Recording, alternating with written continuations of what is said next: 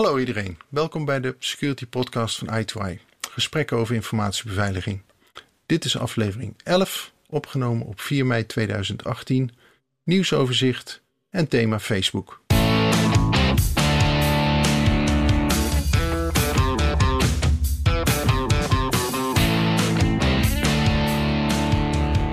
In deze aflevering de Sorion, Nederlandse Volkswagen hack, Hotel Sleutelbeheer en het thema Facebook. Ik ben Lex Borger en vandaag is Artjan Visser mijn podcastmaatje. Hallo Artjan, hoe is het met jou? Hey Lex, goedemorgen. Nou, uh, prima. Uh, zeker met uh, de weersverwachtingen voor het komend weekend. Nou, fantastisch. Ja, het is een koud weekje geweest en het wordt weer lekker. Zo is dat. Heerlijk. Ja. Ik had jou gevraagd om een weetje van de week. Ja, uh, nou, mijn weetje van de week is eigenlijk uh, van uh, zeer recente datum. Gisteravond zat ik even naar tv te kijken en toen kwam ik het, het wetenschapsmagazine Focus tegen. En daarin ging het over kabaal op zee. En ik was me daar absoluut niet van bewust dat menselijk ingrijpen zo'n enorm impact heeft op geluid in zee. En dat het geluid in zee zo ontzettend verdraagt.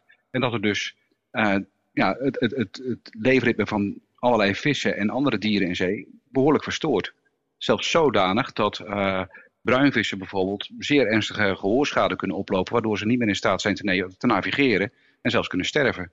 En met name het heien in zee, dat, uh, dus voor, windmolenparken, dat geeft zoveel kabaal. Dat is echt uh, enorm.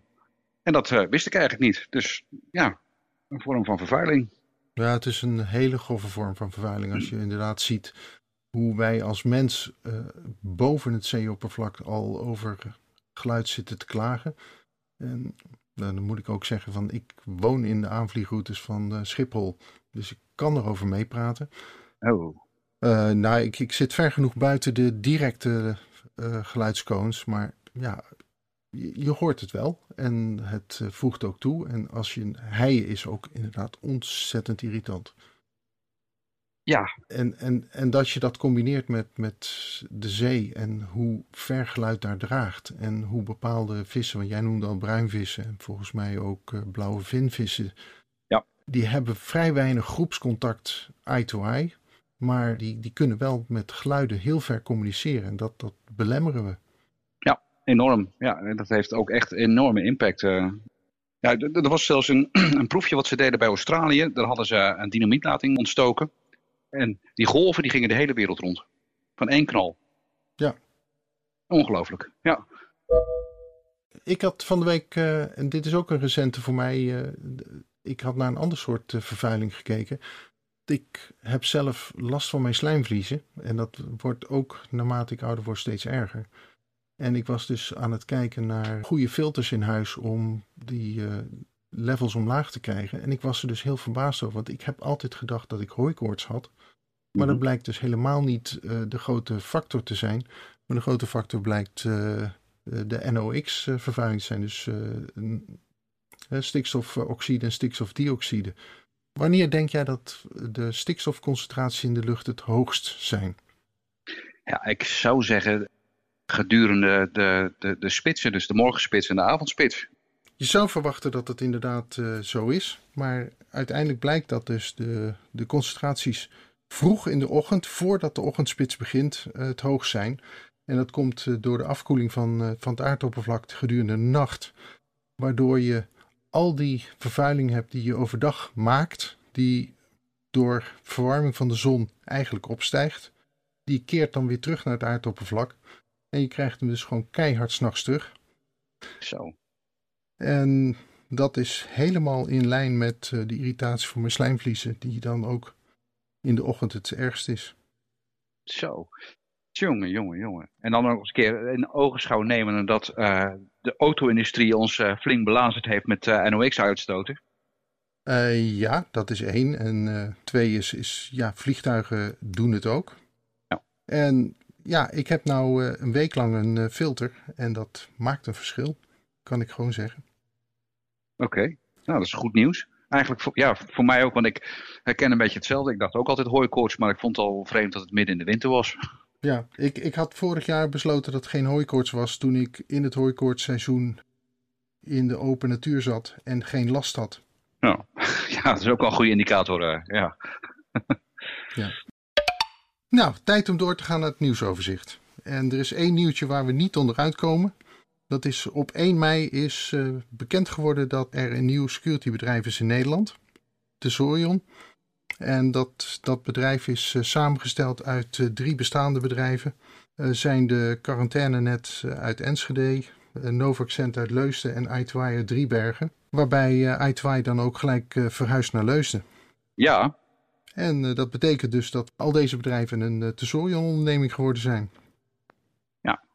Ja, het goede nieuws is wel, denk ik, uh, Lex, dat deze bedrijven behoorlijk complementair aan elkaar zijn. Uh, dus we, we, kunnen elkaar goed aanvullen. Dat denk ik wel. Ja, en daar, daar zit ook op ontworpen.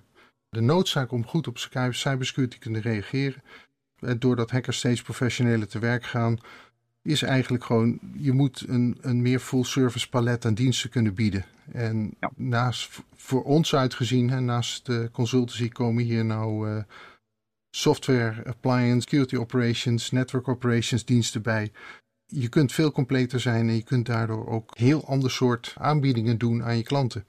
Ja, eigenlijk een end-to-end cybersecurity uh, oplossing. En dat is wat volgens mij nog ontbreekt in de markt. Uh, ja. Dus in, in, die zin is dat uh, echt, echt heel goed nieuws, ook voor onze klanten. Ja, We kunnen nu van A tot Z cybersecurity leveren. Ja, cybersecurity all-in. Ja. En we gaan het ook de komende maanden helpen invullen. Dus het is uh, aan ons allemaal om dat uh, waar te maken. Gaan we doen. En ik zag een heel gewaardeerde collega uit het veld, uh, Ricky Gevers, was de eerste persoon om erover te tweeten. Ik heb in de show notes een link naar zijn tweet gezet. En ik wil ook even tegen iedereen zeggen die op LinkedIn die massale verhuizing zien van consultants naar het nieuwe bedrijf Tesorion. Het is het bedrijf wat nieuw is, maar onze functies zijn compleet continu geregeld. Precies, en zo is het. Uh, het is alleen de naam die verandert, maar onze functies blijven het, uh, hetzelfde. De naam gaat veranderen, de mogelijkheden worden meer. Die gaan we nou ook uh, opzetten. En voor ons is het ook voor een groot deel business as usual. Absolutely, ja. Volgend nieuws item. Een Nederlands bedrijf, Computest, maakte bekend dat ze Volkswagens konden hacken. Die ethische hackers van Computest die hadden kwetsbaarheden gevonden in het eh, in-vehicle infotainment systeem van de Volkswagen. En ze hebben zelfs door kunnen breken tot de CAN-bus. Weet jij wat de CAN-bus is, uh, Art-Jan? Volgens mij is dat het, uh, het van, uh, van, van een auto. Dus daar zit eigenlijk alles op aangesloten. Zie, ja, zie je het als een soort bus ook, zoals een Switch een bus heeft. Ja, Ethernet-netwerk, maar dan in de auto. En ja, precies. Ja. Het is een van die dingen waar de auto-industrie eh, ons heel goed op heeft kunnen standaardiseren. En ja, alle commando's die in een auto gegeven worden, gaan over die CAN-bus. Dus op het moment dat je kunt doorbreken naar de CAN-bus, kun je daar potentieel op uh, ingrijpen.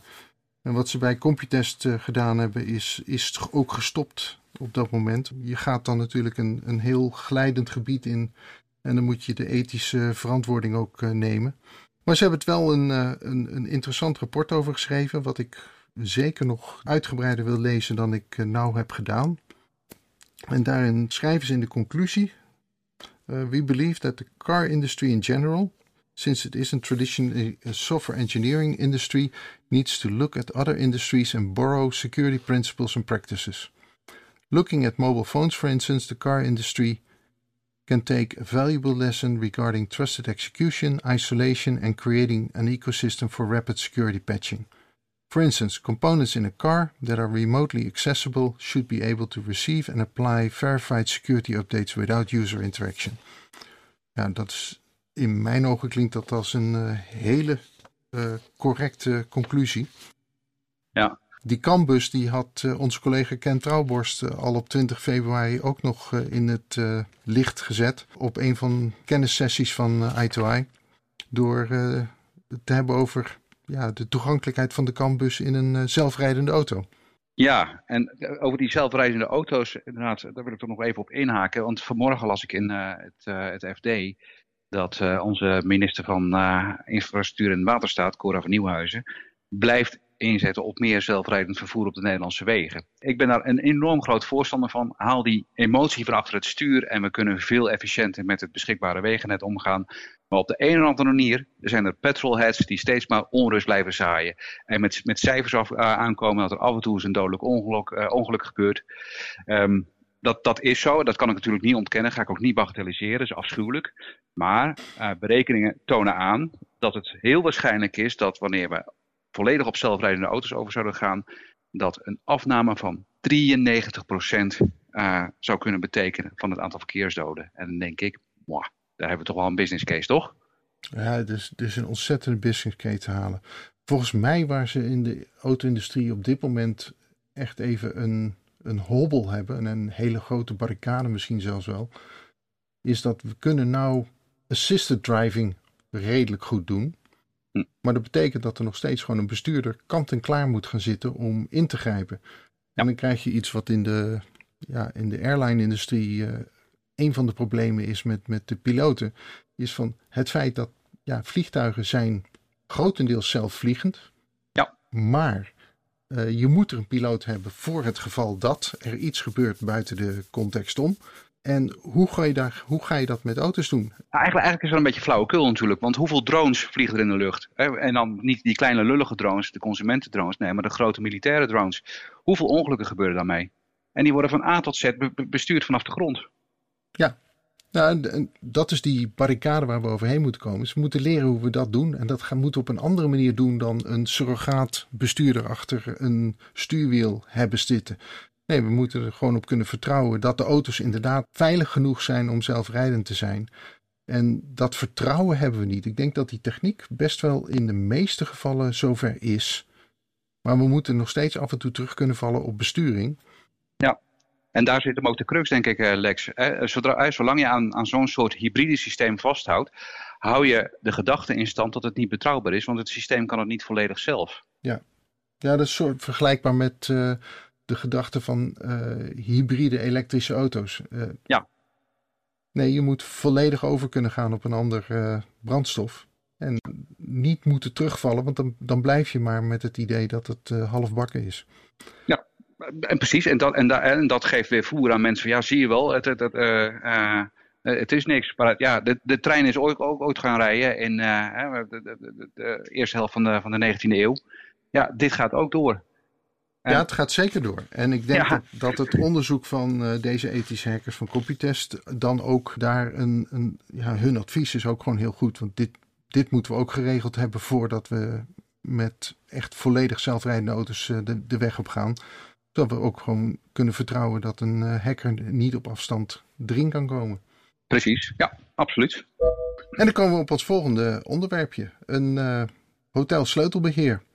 Een hack van de draadloze sleutels die we allemaal kennen van een uh, hotelverblijf is hierbij gedaan. Maar wel opmerkelijk omdat de onderzoekers van F-Secure geen sleutelkopie, maar een loper hebben kunnen maken voor, voor het hotel dat is toch wel iets van. Je kunt natuurlijk zelf zeggen van ja, ik bewaak mijn eigen hotelsleutel. Maar als een andere hotelgast slordig met zijn sleutel omgaat, dan kunnen deze ja, onderzoekers met hun techniek toch jouw kamer binnenkomen. En zelfs uh, vrij ongemerkt, omdat ze met een loper binnenkomen. Oei. Ja, dat zijn de kroonjuwelen natuurlijk voor uh, het inbreken bij een hotel. Ja, dat lijkt mij ook inderdaad. Dus eigenlijk, als je er s'nachts ligt, zou je weer met de ouderwetse schuiven moeten werken. Nou, dat moet je sowieso doen, denk ik. Ja, ja. Physical security is er ook wat. Analoge technieken die laten je niet vaak in de steek. Ja. Maar ja, overdag moet je toch uh, de meet binnen kunnen laten. En dat is dan ook de evil meet. Ja. dat was ook de trigger voor hun om dit te gaan uitzoeken. Want zij zijn dus, las ik, een, een, jaar of tien geleden hun laptops kwijtgeraakt in een hotelkamer. En daar was dus helemaal geen enkel spoor van inbraak te vinden en ook geen enkel trace uh, te vinden. Ze wilden dus inderdaad onderzoeken hoe dat gebeurd zou kunnen zijn. Daarmee speculeer je natuurlijk dat, dat dit de manier is waarop het gebeurd eh, was tien jaar geleden. Maar aan de andere kant, dit is zo'n ingewikkeld onderzoek wat ze gedaan hebben, dat je er ook aan moet betwijfelen of het zo gegaan is. Ik denk dat het tien jaar geleden de sleutels uh, slechter van kwaliteit waren. Ja, ja, ik mag wel hopen dat daar inderdaad verbetering op plaats heeft gevonden, upgrades en, en dat code die gebruikt wordt in ieder geval meer versleuteld is en ingewikkelder is geworden. Ja, nou ook hier, ik wil het allemaal nog in detail gaan doorlezen, maar heel belangrijk, ze gaan een Ask Me Anything sessie doen. En voor, voor de vroege luisteraars van de podcast, dit is op 11 mei. Dus je hebt nog de gelegenheid om mee te doen. Ja, volgende week vrijdag, ja. Ja, details staan in de show notes. Oké. En dan komen we bij het thema Facebook.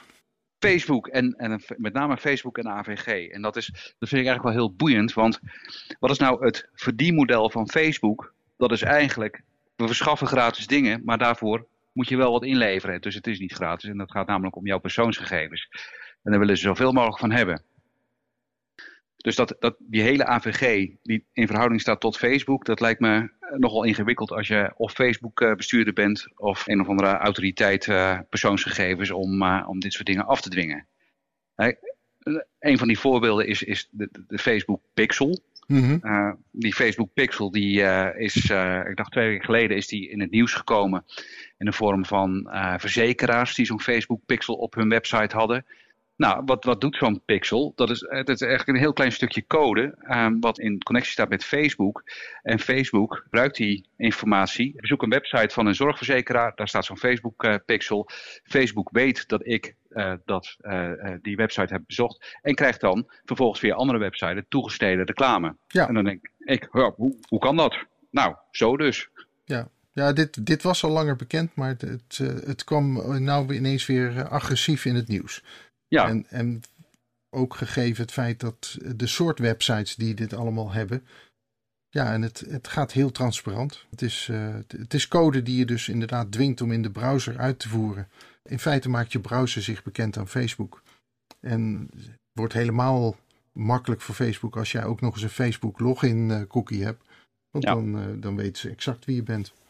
Ja, ja precies. Maar ook als, ze, als je dat niet hebt, dan, dan, dan kunnen ze een profiel van je aanleggen. En ik denk dat dat was het nieuwe element wat hier uh, aan tafel kwam. Uh, dat Facebook dus gewoon profielen bijhoudt van mensen die helemaal geen lid zijn van Facebook. Precies, dus er is geen, geen, geen gerechtvaardigd belang om dat te doen, uh, want er is geen consent, er is helemaal, er is helemaal niets. Ook als, ik, ik ben zelf een niet-Facebook gebruiker, al heel lang niet. Ik heb daar ooit eens een keer heb ik daar een profieletje aangemaakt. En ik, volgens mij heb ik dat in 2012 heb ik dat uitgezet en nooit meer naar gekeken. En ook, ook actief uh, laten verwijderen. Tenminste, hoop ik, denk ik, ik weet het niet. Bijvoorbeeld ook om dat soort pixels te voorkomen heb ik uh, Ghostry geïnstalleerd. Dat is een, een klein tooltje waarmee je allerlei ad, het is gewoon een adblocker zeg maar. En je krijgt precies te zien welke cookies jij geïnstalleerd krijgt op je website. Ja, ja, ik zit, ik zit echt met een ethisch uh, dilemma met uh, adblockers. In de ene kant, ik besef mij dat advertenties het, het internet goedkoop tot gratis houden. Mm -hmm. uh, maar aan de andere kant, ja, als je dit soort praktijken hoort, dan zeg je van ja, er zit, er zit een grens aan wat je met, met ads en tracking wil bereiken. En die grenzen zijn we nou aan het opzoeken. En eh, ja, de AVG definieert er een paar heel duidelijk van. Daar ben ik wel blij mee. Dat zijn een paar spelregels. Ja, ik ook. En ik, ik kijk, there is no such thing as a free lunch. Uh, ik, ik, snap ook wel dat, dat, dat, hoe dan ook, dat internet kan nooit gratis. Dus je betaalt ergens mee.